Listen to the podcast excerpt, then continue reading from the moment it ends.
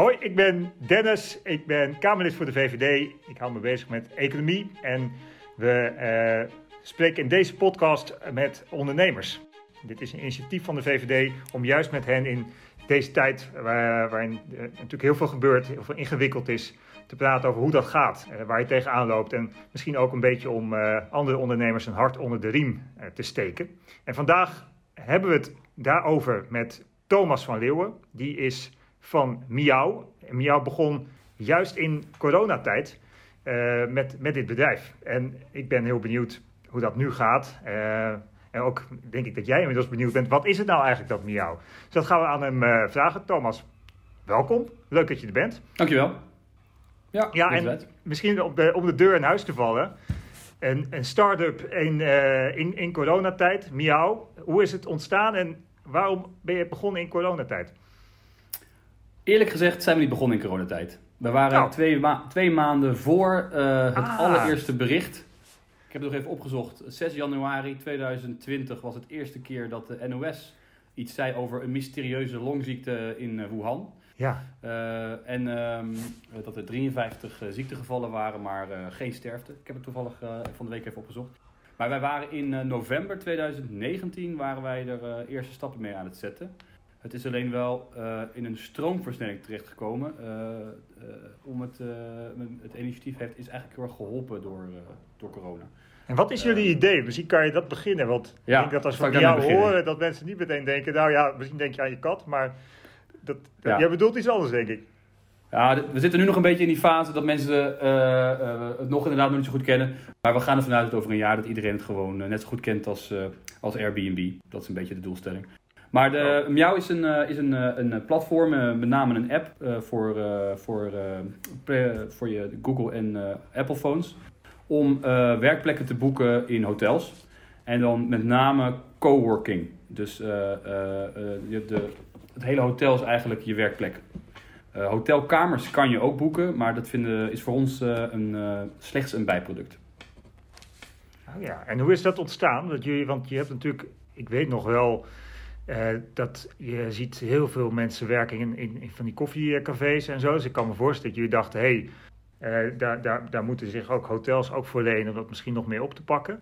En van, ja. van, van waaruit is het verder ontstaan vervolgens? Nou, ik, ik ben uh, eigenlijk eigenaar-directeur van een ontwerpstudio. Ehm, we hebben in Amsterdam hebben we bijna 60 man in dienst. Uh, en wij ontwerpen uh, veel uh, kantoren en hotels. eigenlijk alle bekende grote hotelmerken werken we voor en veel grote bedrijven werken we voor. Uh, en wij zagen eigenlijk tijdens dat werk al dat uh, veel uh, nou ja, van de kantoren er steeds meer uit beginnen te zien als hotellobby's. En dat de um, hotels overdag steeds vaker gevuld worden door mensen met laptops. En daardoor zeiden we eigenlijk al snel van, hmm, daar zit markt in. ook niet in de laatste plaats, omdat ik zelf denk ik wel nog net op het randje van de millennial, binnen de millennial groep val. Hoe oud ben je? En ik werk gewoon 37. Dus 1983. Oh, ja. Net toch? Dus Volgens mij is de generatie en de millennials in, denk ik. Ja, ja zoiets. Ja. in ieder geval ben ik wel iemand die gewoon altijd overal werkt. En uh, uh, het maakt niet uit waar het is. Um, dat heb ik altijd al gehad. En ik denk dat veel mensen dat door corona ook meer beginnen te krijgen. Dat work from anywhere trend, zoals dat dan heet. En um, dus dat, dat ook wel, speelde wel een rol. Dat ik dacht, ja, waarom zouden we dan eigenlijk met z'n allen in een kantoorgebouw gaan zitten? Terwijl de wereld is je werkplek, eigenlijk. Dat is uh, in feite de, de, de, de theorie erachter. En toen je begon dan in, in november, uh, want ik kan me voorstellen, dan ben je uh, met een idee en misschien heb je een paar mensen al, en, maar dan begin je heel klein. Dus, dus, uh, ja. en, en, daarna wil je, wil je natuurlijk dat, dat steeds groter worden en dan komt op een gegeven moment wel corona. Maar hoe ging die periode net daarvoor? dus waar, waar, waar, stonden jullie zeg maar tot het moment dat, dat de impact van corona eigenlijk ook zo groot werd dat het jullie raakte? Hoe ging het daarvoor?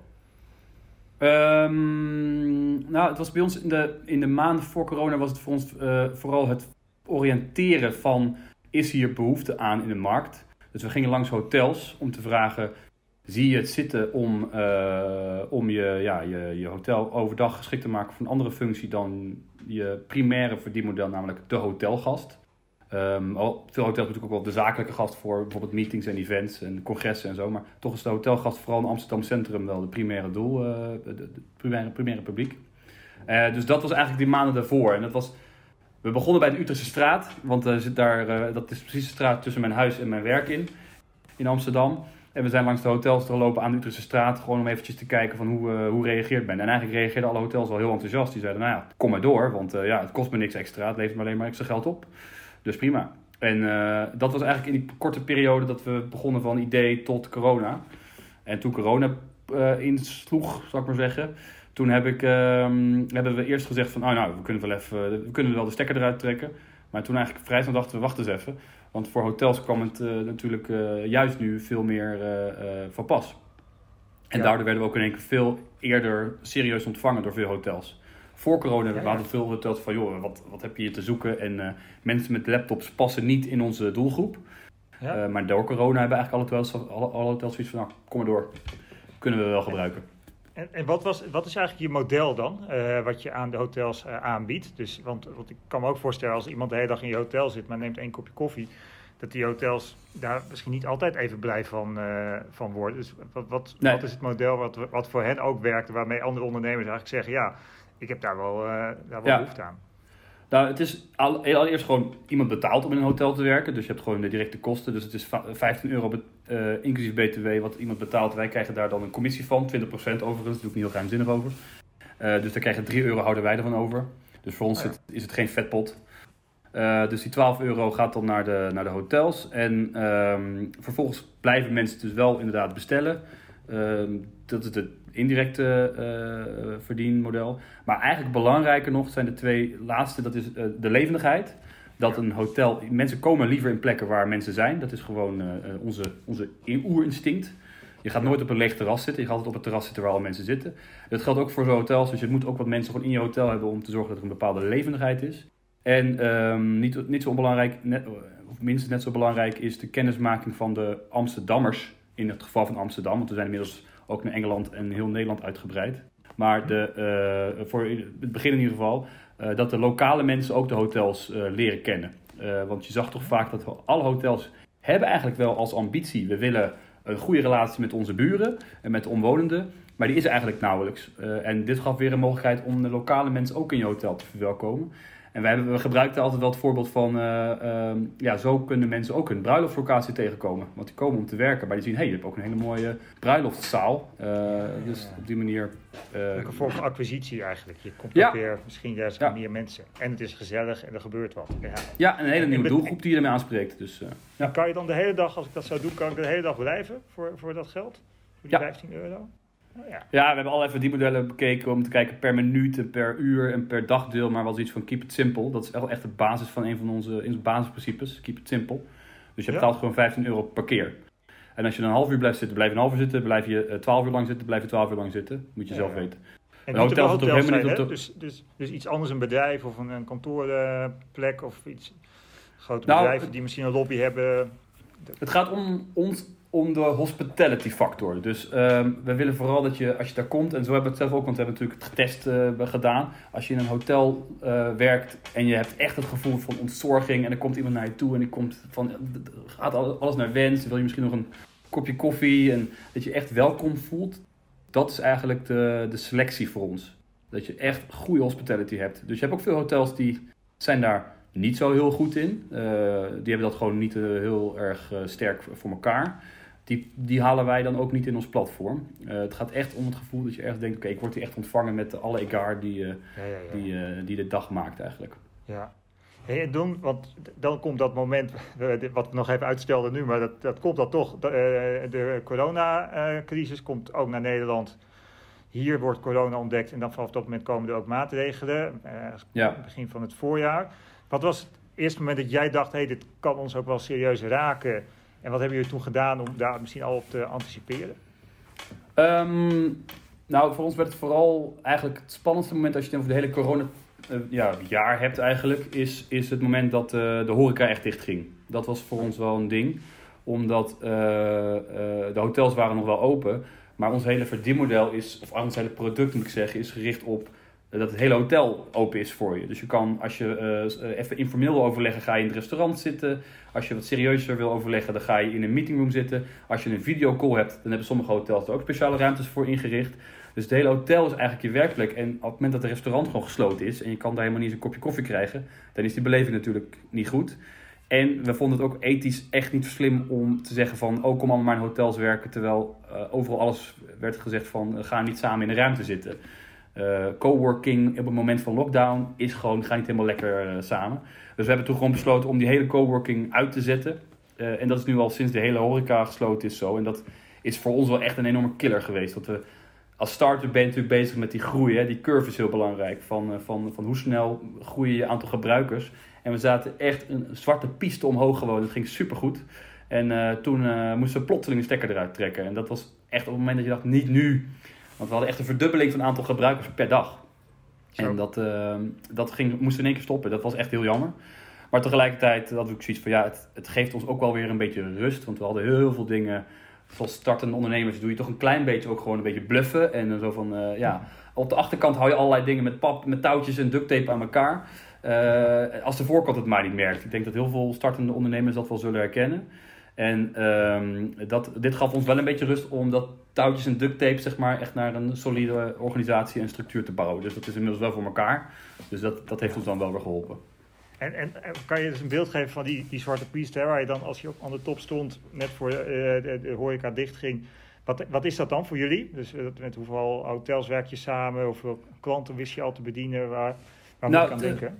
Het aantal hotels is eigenlijk oneindig, want we hebben een wachtlijst van 400 hotels die willen meedoen. Maar dat, dat, die, uh, dat doen we eigenlijk over niks mee, omdat we enerzijds zeggen die hospitality factor moet gewoon helemaal goed in orde zijn voor, voor ons. En het tweede is, we willen ook wel vraag en aanbod een beetje in balans houden. Dus dat je niet ja. 10 gebruikers hebt die 500 hotels kunnen kiezen. Dus uh, zodra het aantal gebruikers toeneemt, gaan we ook wel weer nieuwe hotels toevoegen. Ja. Um, en uh, dus dat is echt voor ons gelukkig een, een ontzettend makkelijk. Uh, de, de, de gebruikerskant, uh, ja, uh, we, zaten, we zaten op nul en toen gingen we op een gegeven moment gingen we naar 30 per dag. En dat werd toen op een gegeven moment 60 per dag.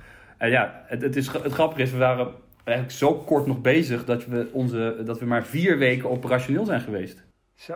En dat is natuurlijk helemaal niks. Maar het geluk was dat we zijn ook op het NOS-journaal geweest en nu.nl en BNR en, ehm, en allerlei andere alle dag, dagbladen in die vier weken. Dus we hadden wel een hele geconcentreerde uh, aandachtspiek. dus dat was wel ideaal voor ons. Dat op een gegeven moment alle mensen zeiden van... Nou, ik zal het niet op de podcast zeggen, maar uh, allemaal magisch. Wat, wat, wat kom ik jullie vaak tegen in de pers? Dat is natuurlijk wel goud. En schrik je wel in de dag toch uh, nog wakker dat je denkt... God, als we die corona niet gehad hadden, dan had ik... dat, waar we dan nu gestaan hadden, dat was misschien wel ja, maar dat, tien keer, honderd keer staan, geweest. Maar daar staan we straks toch. Ik ben ervan overtuigd. Ik weet zeker, want ook door corona, iedereen is helemaal. Nou, dat thuiswerken wordt steeds meer. Uh, iedereen heeft het zelf steeds comfortabeler gemaakt thuis, weet je wel. Met hier en daar wat ingrepen, wat betere afspraken met, uh, met, je, met, je, met je partner uh, mogelijkerwijs met je kinderen. En, um, maar ik denk wel dat veel mensen, als het weer mag, blij zijn als ze weer ergens anders kunnen werken. Uh, en het hoeft niet per se op kantoor te zijn. En dat, dus, dus wij, onze marketingcampagne staat klaar. We hebben een hele mooie grote rode knop uh, staan. En zodra uh, de horeca weer open gaat, dan rammen we die knop in. En dan gaat het echt bang. En dan, uh, dan hebben we echt een enorme gave marketingcampagne die, die we gaan lanceren. En dan ja, weet ik zeker dat het heel snel gaat. Heel snel. Ja, dat, dat kan haast niet anders. Het wel mooi te zien dat je die energie enorm hebt om, om ook, ondanks dat het nu even dus minder gaat, zo meteen wel weer te knallen en er, en er alles van ja. te maken. En de ook ja, het is een beetje een sluimerfase. Ja. Want ik vind ook interessant dat je zegt, ja, we hebben, we hebben, deze tijd dus ook gebruikt, we hadden hem liever niet gehad, maar we hebben hem wel gebruikt om de boel eigenlijk een beetje op orde uh, te brengen en goed te organiseren. Ja. Dus daarmee ben je eigenlijk ook weer misschien wel sterker. Uh, zometeen uh, begin je weer ja. echt met business oppakken. Zijn er ook nog dingen die juist nu boven, die je misschien hebt moeten aanpassen nu? Of die je juist, omdat je tot andere gedachten bent gekomen of door corona misschien denk ik, ik ga dit toch anders doen in een concept? Of, of ben je er juist nog meer in gaan geloven? Nou, ehm, ik ben nog meer gaan geloven in de kwaliteit boven kwantiteit. In de zin dat uh, er zijn best wel wat uh, andere uh, aanbieders in deze markt ontstaan in de afgelopen jaar. Wat ik eigenlijk heel goed vind, want dat betekent dat er markt is. Ja. Dat is een, een, tip die ik kreeg van een investeerder die zei: concurrentie is goed, want dat betekent dat, je, dat er een businessmodel in zit. En, ehm, maar die zijn wel heel, vind ik, op de kwantiteit gericht. Dus die zeggen gewoon van iedereen kan zich aansluiten. volume, volume, volume. Uh, dat heb ik niet. Uh, wij zijn heel erg van, uh, ja, we willen gewoon de beste zijn. En als het in een heel klein dingetje is, is het een heel klein dingetje. En vanaf daar gaan we dan wel groeien. Maar groei is niet de doelstelling. We willen gewoon de beste zijn. En, en daar geloof ik heilig in. dat je gewoon, dus we doen heel veel aan klanttevredenheid ook. Dat we gewoon echt zeker weten dat als je bij jou boekt, dat je gewoon echt die, die mond-to-mond reclame gebruikt. En dat je denkt, dit is echt een verrassend gave ervaring geweest. En daar, dat is voor mij wel één wat ik door, ook wel door corona steeds meer van overtuigd ben geraakt. Omdat het uiteindelijk gaat om die uh, kwaliteit van die experience uh, buiten de deur. Ja, ja wat, ik ben ook wel benieuwd nog, want, want je ziet veel, uh, er zijn natuurlijk best nog wel wat ondernemingen ook gestart. Er was, ik zag weer een bericht ja. ook tot, toch nog meer dan 20.000 ondernemingen weer gestart zijn. Je ziet ook heel veel start-ups, ook sommige die net dus begonnen waren, zoals jullie. Ja. En dan kom je, kom je dit uh, en dan komt dit op je pad. En dan is het soms best even pittig om daar doorheen te komen. En je ziet ook dat er juist nou ja, voor, voor heel veel van die ondernemingen maatregelen zijn genomen, ook steunmaatregelen zijn gekomen. Hebben jullie daar op een of andere manier ook nog uh, gebruik van gemaakt of, uh, nee. of nodig gehad? Nou ja, weet je, het, het, het, bij ons is natuurlijk in die zin uh, het verschil dat wij zijn een internal start-up, zoals ik het noem. Uh, dat doet bijvoorbeeld ABN AMRO en, uh, en, en PostNL doen het ook veel. Die hebben dan een eigen idee en die lanceren dat met een aparte naam, aparte bedrijfsnaam vanuit, vanuit het bedrijf. Maar die hebben dus wel het netwerk en de resources van het moederbedrijf. En het is bij ons ook zo. Dus wij hebben gewoon een heel erg solide, gezonde organisatie die erboven hangt. En daarvan konden we ook gewoon, ja, van die 60 man konden we gewoon af en toe mensen gebruiken die we nodig hadden. Dus we hebben in die zin niet het, uh, het nodige gehad. luxe positie Ja, ja, ja. En, want er zijn natuurlijk ook veel ondernemingen die dat niet hebben. Hoe, ja. Heb jij gezien of in je omgeving, of, of, heb je tips voor juist deze ondernemers of ondernemers die nu zitten te kijken en denken van ja, uh, ja het klinkt wel goed, maar uh, ja, wij gingen ook wel lekker. Uh, en toen kwam corona en die gooide alles in de soep. Hoe, hoe, wat voor tips heb je voor hen om juist en de energie hoog te houden, maar toch gewoon financieel te kunnen behelpen. Want er moet ook brood aan het eind eh, van de maand op de plank nog komen. Nou, ik denk, dat is, dat is wel grappig. Ik, wat je zegt, energie, uh, dat is gewoon, überhaupt is dat al, vind ik het meest belangrijke wat er is. Ik zeg altijd, ik heb inmiddels we hebben best wel een aantal bedrijven die we als ontwerpstudio hebben opgericht. Gisteren hebben we de, de, de negende opgericht, dat is... Uh, weer een ander ding, kunnen we een andere keer over hebben. Maar dat, uh, het gaat voor mij om energie. En ik heb eigenlijk liever een ontzettend slecht businessplan, maar met heel veel energie, dan een ontzettend goed businessplan, maar met heel weinig energie. Uh, ik geloof daar gewoon heel erg in. Dat, dat je moet een team hebben die denkt, nou, dit is gewoon hartstikke leuk. Die er gewoon vol plezier en met passie over kan praten. Uh, ik hoop ook dat ik dat ook uitstraal. Maar dat, uh, ah, dat, vind ik gewoon veel, dat vind ik veel belangrijker dan, dan, dan iets anders. En, ehm, dus ik zou dat vooral willen, willen, willen meegeven. Van, ja, dus tip hou die energie. energie. Ja, ja. En het tweede is, denk niet in corona-oplossingen, maar denk in post-corona-oplossingen. Dat vind ik altijd wel... Kijk, corona is een tijdelijk iets, dat is een overbrugging, dat is op een gegeven moment echt wel klaar. Er zijn ongetwijfeld mensen heel rijk geworden met van die anti-spatschermen, dat geloof ik ook wel. Maar ik geloof veel meer in, denk nou na, in de, de game changer die het is, uh, op allerlei vlakken. Uh, is er echt een nieuwe realiteit. Uh, wij noemen dat 23 september. Dan is, het, dat is, dan is de start van het post-corona-tijdperk. Want dan vonden we een mooie datum. En uh, dan, dan, moet je gaan, dan zijn dingen echt anders. Ik bedoel, hoe mensen werken, waar ze werken, uh, hoe mensen gaan reizen, uh, hoe, ze winkels, hoe, ze, hoe ze winkelen, hoe ze eten. Alles is veranderd. En, en dat blijft zo. En ik denk dat als je ondernemer moet je vooral daarnaar kijken. En ik doe dat dan zelf door te kijken naar een heel klein dingetje. Van wat zie je nou om je heen veranderen wat heel klein is. En dat gewoon maximaal opblazen. heel erg extreem maken in je hoofd en op papier. En dan, en dan, en dan is dat vaak een soort van een, een, een ja, een idee waar je, waar je onderneming mee kan uh, helpen. En heb je nog tips voor ondernemers die nu, nu zitten te kijken en op zoek zijn naar die post-corona gat in de markt? Welke hoeken nou, zit nou, je als je daar nog tips voor moet geven? Eén belangrijk eigenlijk, en dat is zoek het dicht bij jezelf. Want ik ken toch veel mensen die zien ergens iets en dan gaan ze iets doen wat, wat helemaal niet bij hen past. Dus dan, uh, iemand is bijvoorbeeld uh, heel creatief, of is, uh, is een autist, of, of is heel sociaal, of heel erg politiek gevoelig. Uh, dat is je kracht en daar moet je volgens mij van uitgaan. En ik denk dat als je, hoe dichter je, je dat, dat weet en daarvan uitgaat, hoe sneller en hoe krachtiger je bent en hoe beter je bent en hoe leuker je het hebt in wat je doet. Uh, ik vind dat, dat denk dat is een belangrijke tip. Ik heb er mezelf namelijk de fout gemaakt om dat in het verleden niet altijd te doen. Ging ik me bemoeien met dingen waar ik eigenlijk helemaal niet zoveel aan vond, wat gewoon niet mijn passie was.